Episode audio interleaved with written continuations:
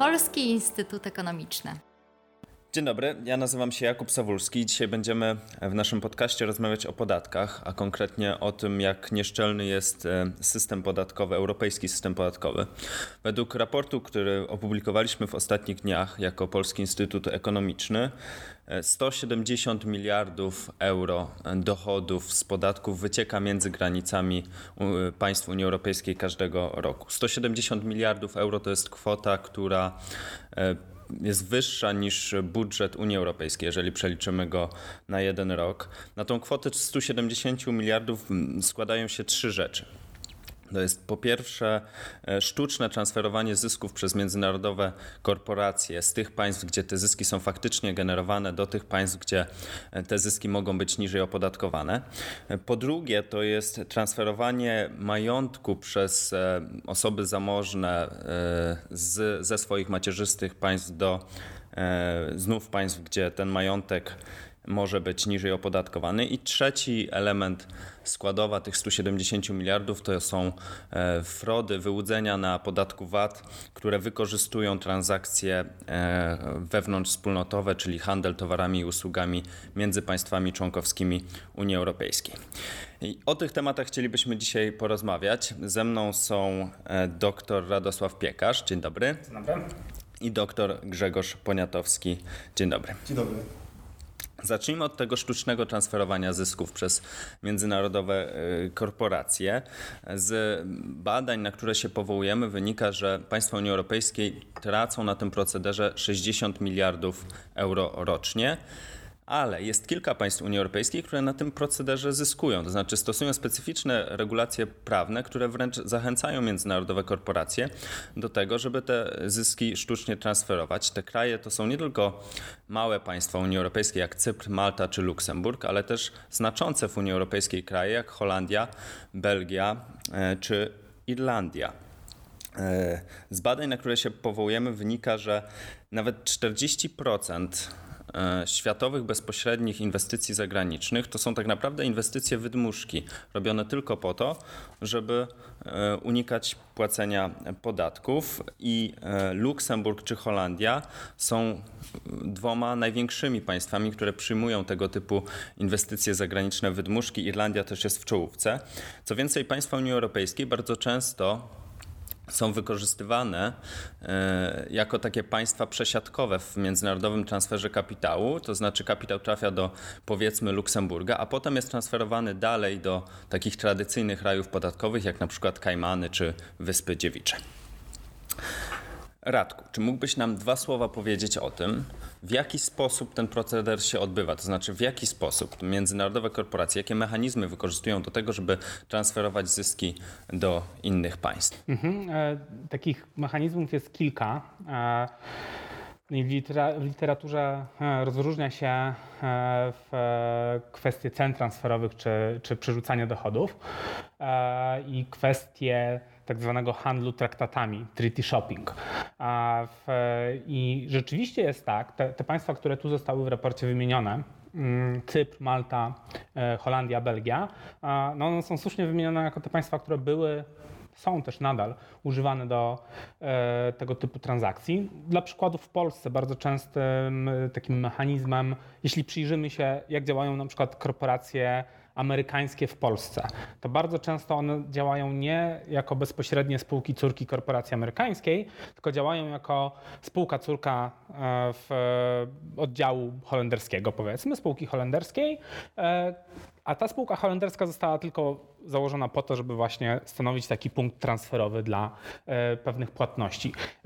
E, dla pewnych płatności e, to są trzy takie płatności tak naprawdę, trzy rodzaje płatności, dochodów biernych można tak powiedzieć, czyli odsetek, należności licencyjnych i dywidend. I dlaczego tak się dzieje? Dlatego, że w ramach Unii Europejskiej te trzy płatności, w, jeśli one są dokonywane w ramach państw Unii Europejskiej, są zwolnione z, z tak zwanego podatku źródła. Czyli jeżeli z Polski do Holandii jest przelewana e, dywidenda dla przykładu, no to ona nie będzie opodatkowana polskim podatkiem u źródła. No i następnie z Holandii może też zostać przelana do tego rzeczywistego właściciela. Pytanie jest oczywiście, czy to jest zgodne z prawem. Czy też nie, bo to jest jakby inna kwestia. Natomiast ten mechanizm, mechanizm istnieje.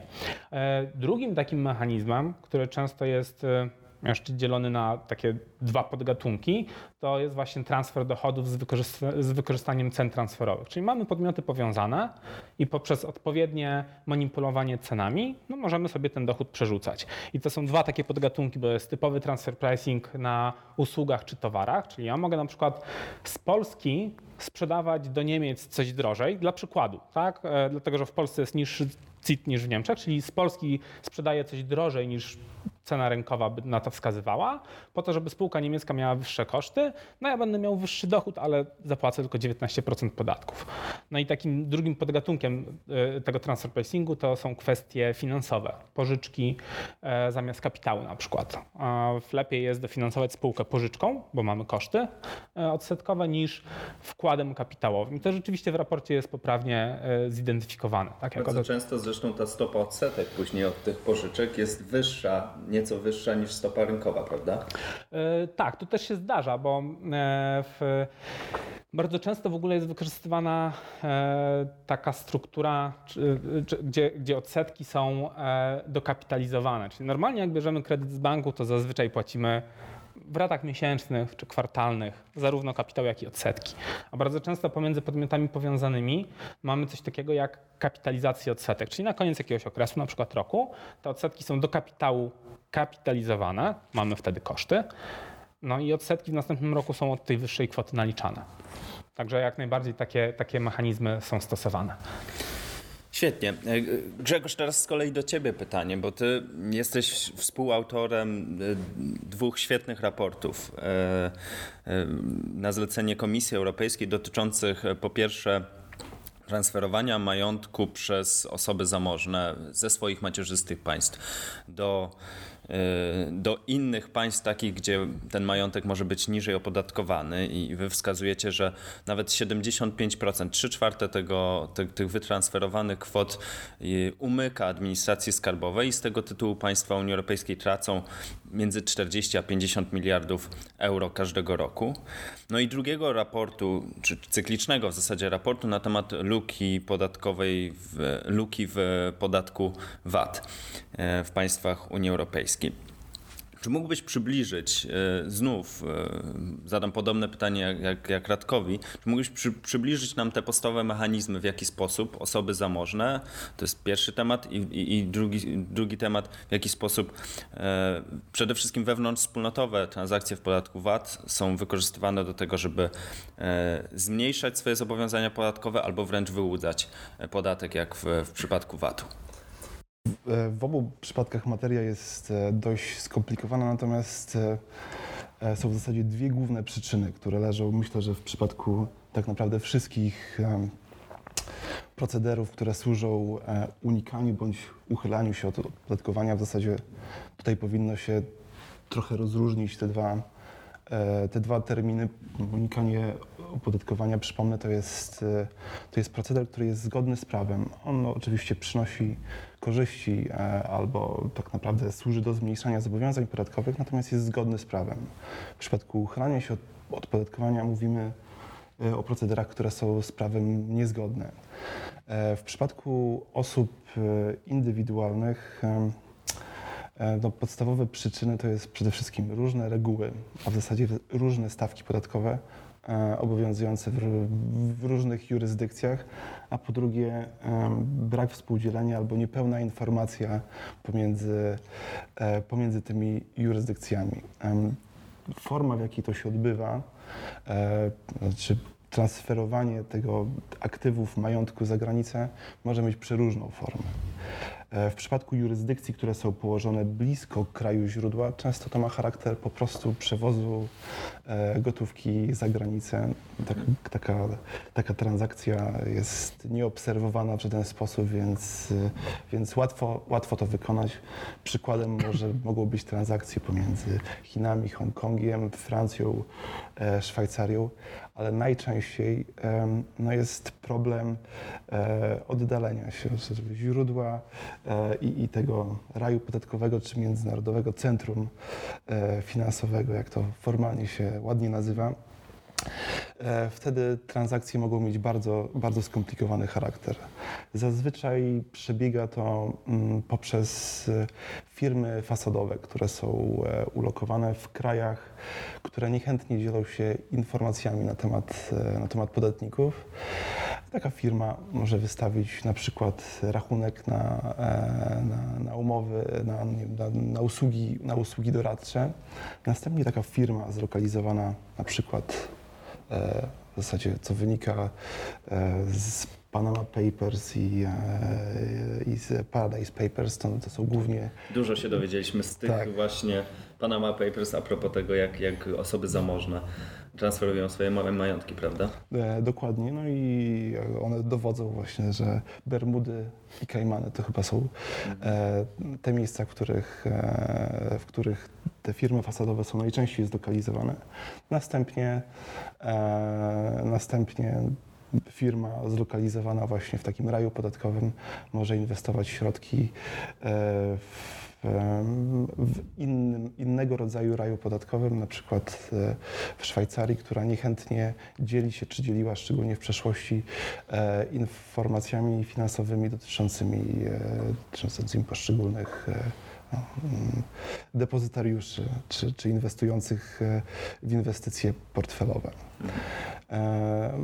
Zysk, e, zysk w tym wypadku, czy zysk w tym wypadku oczywiście no, to po, po wynika z różnicy stawki podatkowej obowiązującym w kraju źródła i w, i w tym kraju, w którym rzeczywiście e, ten podatek e, jest odprowadzany, ale często ta różnica efektywnej stawki podatkowej nie jest, nie jest jedyną przyczyną. Często podatnicy chcą ukryć dochód uzyskany w nielegalny sposób i tak naprawdę 46 miliardów euro, które oszacowaliśmy dla 2016 roku, w większości wynika e, z podatku e, nieodprowadzonego z tytułu nielegalnie osiągniętego dochodu w miejscu źródła, czyli na przykład z karuzeli podatkowej. Mhm. Tylko część, i to mniejsza część utraty dochodów wynika z nieopodatkowania u, źródła e, dochodów kapitałowych. E, wiele krajów, wiele, część krajów stosuje też podatki majątkowe, nieodprowadzanie podatku majątkowego, czy nieodprowadzanie chociażby e, podatku spadkowego. W przypadku, w przypadku VAT szacowana skala około 50 miliardów euro mniej więcej jednej trzeciej całej luki VAT to są tak zwane przestępstwa typu znikający podatnik, e, e, wykorzystujące właśnie transakcje wewnątrzwspólnotowe. W transakcjach wewnątrzwspólnotowych dochodzi do w pewnym momencie e, do opodatkowania, mm, tam są dwie, dwie transakcje i dostawy i nabycia e, wewnątrzwspólnotowego jest moment, w którym, e, w którym nabywany towar jest, e, jest opodatkowany stawką stawką zero. W tym momencie podatnicy wykorzystując najczęściej transakcje z wykorzystaniem dóbr, które mają jednorodny charakter, którą łatwo jest upłynnić, sprzedają, sprzedają towar uwzględniając... Jakie rodzaje dobra? Patrząc, e, patrząc na historię Polski i rozszerzenia e, katalogu e, dóbr objętych tak zwanym odwrotnym reverse, reverse charge'em, były to pręty stalowe, elektronika, ETS-y, dobra, które nie różnicują się i w zasadzie w przypadku którego nabywca, nabywcy nie robi żadnej różnicy, czy kupuje to, to dobro, e, usługę od, od podmiotu, który, który odprowadza bądź nie odprowadza podatków. Wyjaśnijmy jeszcze raz, to podkreślmy, że ten mechanizm e, działania podatku VAT wewnątrz Unii Europejskiej jest taki, że eksport wewnątrz Unii, czyli wewnątrz wspólnotowa dostawa objęta jest stawką 0%. No i ten mechanizm jest, mm, on z różnych powodów został wprowadzony, oczywiście to ma swoje uzasadnienie, no ale on jest wykorzystywany przez zorganizowane grupy przestępcze najczęściej do tego, żeby wyłudzać podatek VAT. Zresztą według jednych z oszacowań czy, czy to jest rzecz, rzecz w zasadzie znana w statystyce, że Unia Europejska ma nadwyżkę handlową z samą sobą, co technicznie jest niemożliwe, to znaczy eksport jednego kraju powinien być równy importowi drugiego kraju, a mimo to w Unii Europejskiej, jak weźmiemy sobie wszystkie kraje, to eksport między krajami Unii Europejskiej jest wyższy niż ich import. E, co tłumaczy się między innymi właśnie tym, że podatnicy dużo częściej deklarują jednak eksport niż import, no bo eksport jest objęty stawką VAT 0%. A ja bym chciał przejść do drugiej części mm, naszych pytań, rozważań, to znaczy e, tego, co możemy z tym zrobić. No bo mamy problem. Mamy problem z transferowaniem zysków przez międzynarodowe korporacje, mamy problem z, e, z transferowaniem majątku przez osoby zamożne, mamy problem z wyłudzaniem podatków w transakcjach między krajami Unii Europejskiej. I pytanie, co możemy z tym zrobić? Przykładowo w Stanach Zjednoczonych wprowadzono, chciałbym zapytać e, Ciebie Radku o ten pomysł, wprowadzono podatek w skrócie BEAT, czyli Base Erosion and Anti-Abuse Tax, który polega na tym, że kalkulujemy od dochodu danej firmy, kalkulujemy dwa razy podatek. Pierwszy raz kalkulujemy podatek według normalnej, standardowej stawki, standardowych zasad, a drugi raz kalkulujemy podatek według niższej stawki, ale z założeniem takim, że z podstawy opodatkowania wyłączamy te rzeczy, które najczęściej są wykorzystywane do sztucznego transferowania zysków, jak właśnie wspomniane przez Ciebie już odsetki od kapitału, płatności licencyjne. No i patrzymy, który z tych dwóch obliczonych podatków jest wyższy i firma powinna zapłacić ten wyższy. Czy możliwe jest wprowadzenie czegoś takiego na poziomie Unii Europejskiej i czy to byłoby rozwiązanie słuszne Twoim zdaniem?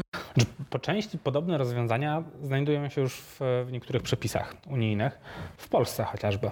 Mamy przepis, który nam wyłącza pewne e, z kosztów uzyskania pewne płatności na rzecz podmiotów e, powiązanych. No i to są właśnie płatności odsetkowe, płatności e, takie menedżerskie, tak zwane. Tak? Do pewnego limitu. Do pewnego limitu, albo inaczej, od pewnego od limitu. Pewnego. Tak. Do pewnego limitu -hmm. można w nieograniczony sposób Dokładnie tak. A od pewnego limitu już... W, tam mamy wskaźnik ebitowy, 2 miliony złotych z tego co pamiętam. Później później wszystko zależy od wskaźnika EBIT, czyli zysków operacyjnych. Im mamy większe zyski, tym więcej możemy sobie też e, tych płatności w koszty zaliczyć, co jest całkiem rozsądne. No więc te rozwiązania już są. Są rozwiązania chroniące przed tymi płatnościami finansowymi, bo to są na przykład w, w, w, zasadzie cała Unia Europejska ma przepisy wyłączające w części e, te koszty odsetkowe z kosztów uzyskania przychodów. I mamy też w, w Unii Europejskiej te spółki, e, zagraniczne spółki kontrolowane, tak? CFC tak zwane. No więc to są rozwiązania, które tak, są, są w jakiś sposób, sposób podobne do tego w podatku ale amerykańskiego. Na, ale zyski nadal uciekają. Zyski nadal, tak, zyski nadal uciekają. Natomiast, no właśnie, w czym rzecz? Rzecz jest jeszcze w tym, że e, czasami ciężko jest oszacować e, te faktyczne straty, bo są różne szacunki, ale przede wszystkim, moim zdaniem, e, mamy duży problem, żeby powiedzieć, co jest legalne, a co jest nielegalne. Bo chociażby cały transfer pricing, ten taki, bo, bo to, to jest mechanizm, który występuje, który będzie występował, bo mamy definicję ceny transferowej. To jest po prostu cena, która jest stosowana pomiędzy podmiotami powiązanymi. Tu nie ma nic złego. Ona po prostu jest y, dlatego, że mamy powiązania. Y, natomiast zasady, które y, rządzą ustalaniem takich cen, czyli doprowadzaniem tej ceny do ceny rynkowej, one są opisane na poziomie OECD. Mamy wytyczne OECD. I te wytyczne OECD co pewien czas się dramatycznie rozrastają. W tej chwili mamy w zasadzie takich wytycznych, jak, jakby to dobrze policzyć, to jest kilka tysięcy stron.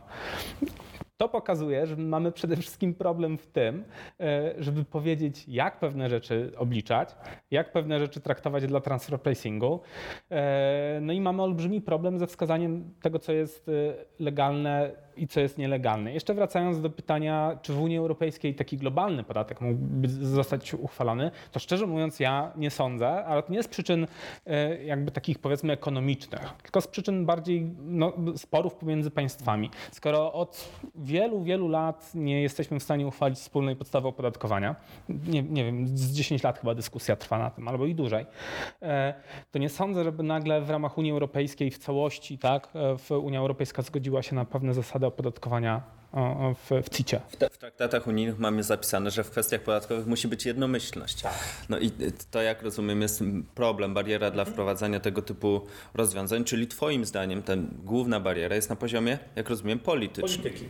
Na, poziom, tak. na poziomie politycznym tego, że niektóre państwa mhm. być może mają interes w tym, o czym już wspominałem, żeby takie regulacje nie zostały wprowadzone.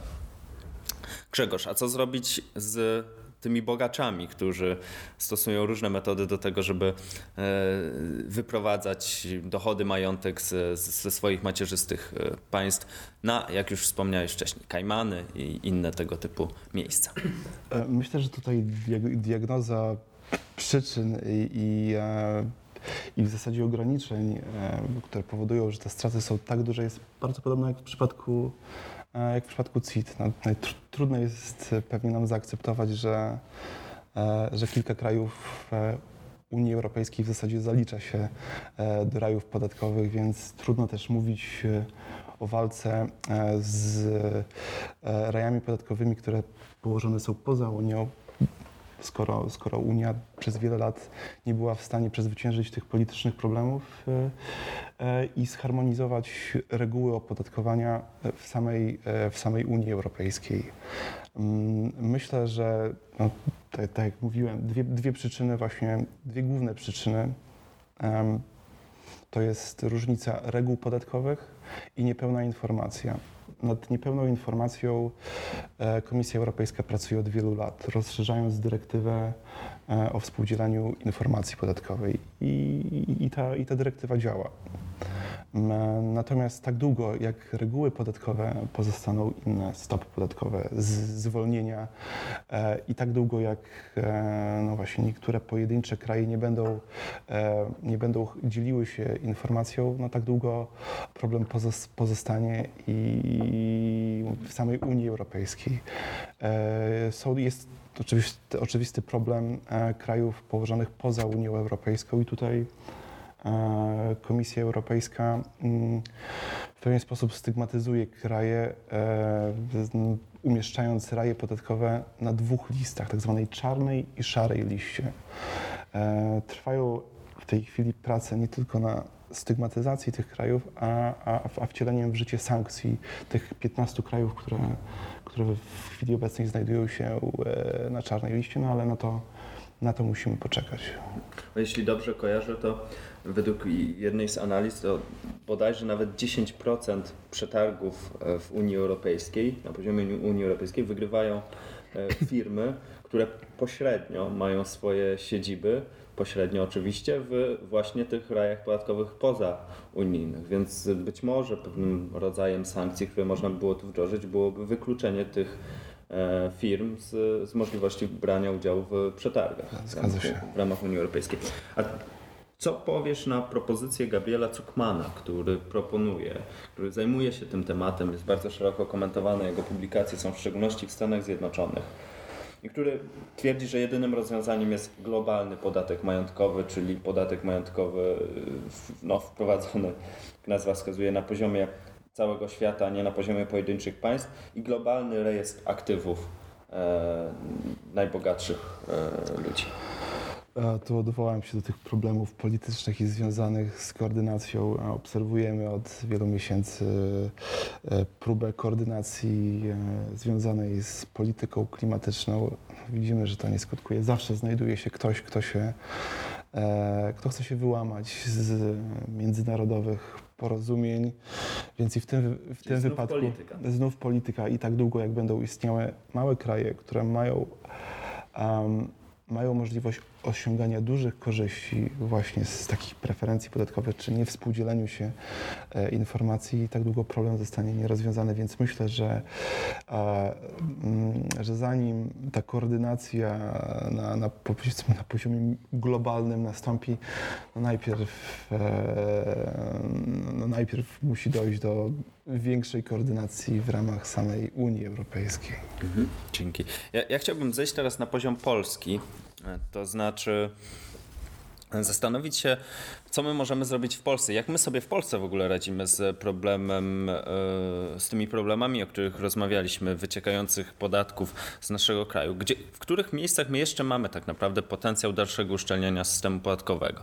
Czy on jest jeszcze w podatku VAT, czy może w podatku VAT jest już go niewiele, czy raczej w, w innych podatkach, to znaczy w CIT i PIT. Nawiążę też trochę do publikacji Radka, która, e, która ukazuje się w tej chwili, to znaczy podatkowy labirynt wyzwania polskiego systemu danin publicznych, e, w, których, w którym Radek no, burzy parę mitów na temat polskiego systemu podatkowego, to znaczy takie mity między innymi, że podatki w Polsce są wysokie, że skarbówka czyha na, e, na podatnika, że podniesienie podatków wyhamuje, może wyhamować jakoś drastycznie wzrost gospodarczy ale też wskazujesz na istotne problemy polskiego systemu podatkowego, na te, które są faktycznymi problemami, którymi należałoby się zająć.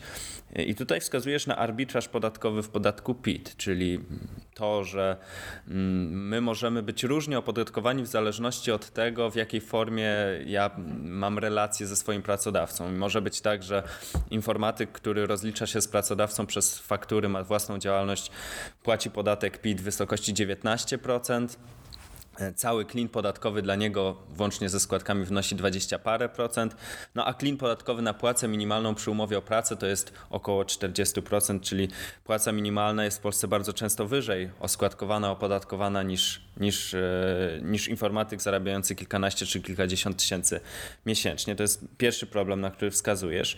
No i drugi z, z tych takich uszczelniających, że tak powiem, problemów to, to arbitraż podatkowy w CIT, czyli to, że także że w CIT możemy wybierać różne formy e, prawne po to, żeby płacić niższy podatek. Więc pytanie ogólne do Was obu.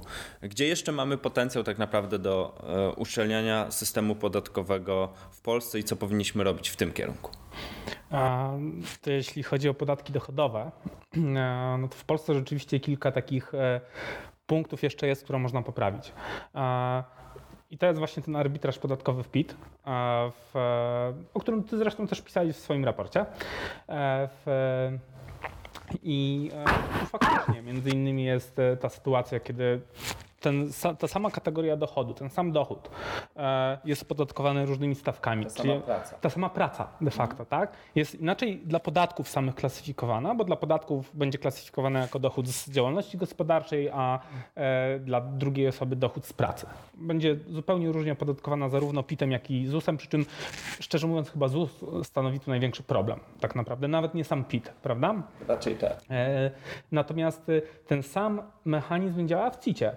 E, ten sam mechanizm działa w CIT, dlatego że e, Jaka jest zaleta posiadania spółki ZO, jeśli działamy w Polsce? Ano taka, że e, jesteśmy dosyć bezpieczni, jeżeli chodzi o nasz majątek taki prywatny. Zakładam spółkę ZO jeśli coś z tą spółką ZO się stanie, to ta spółka ZO tylko na tym traci, mój majątek jest nieruszony.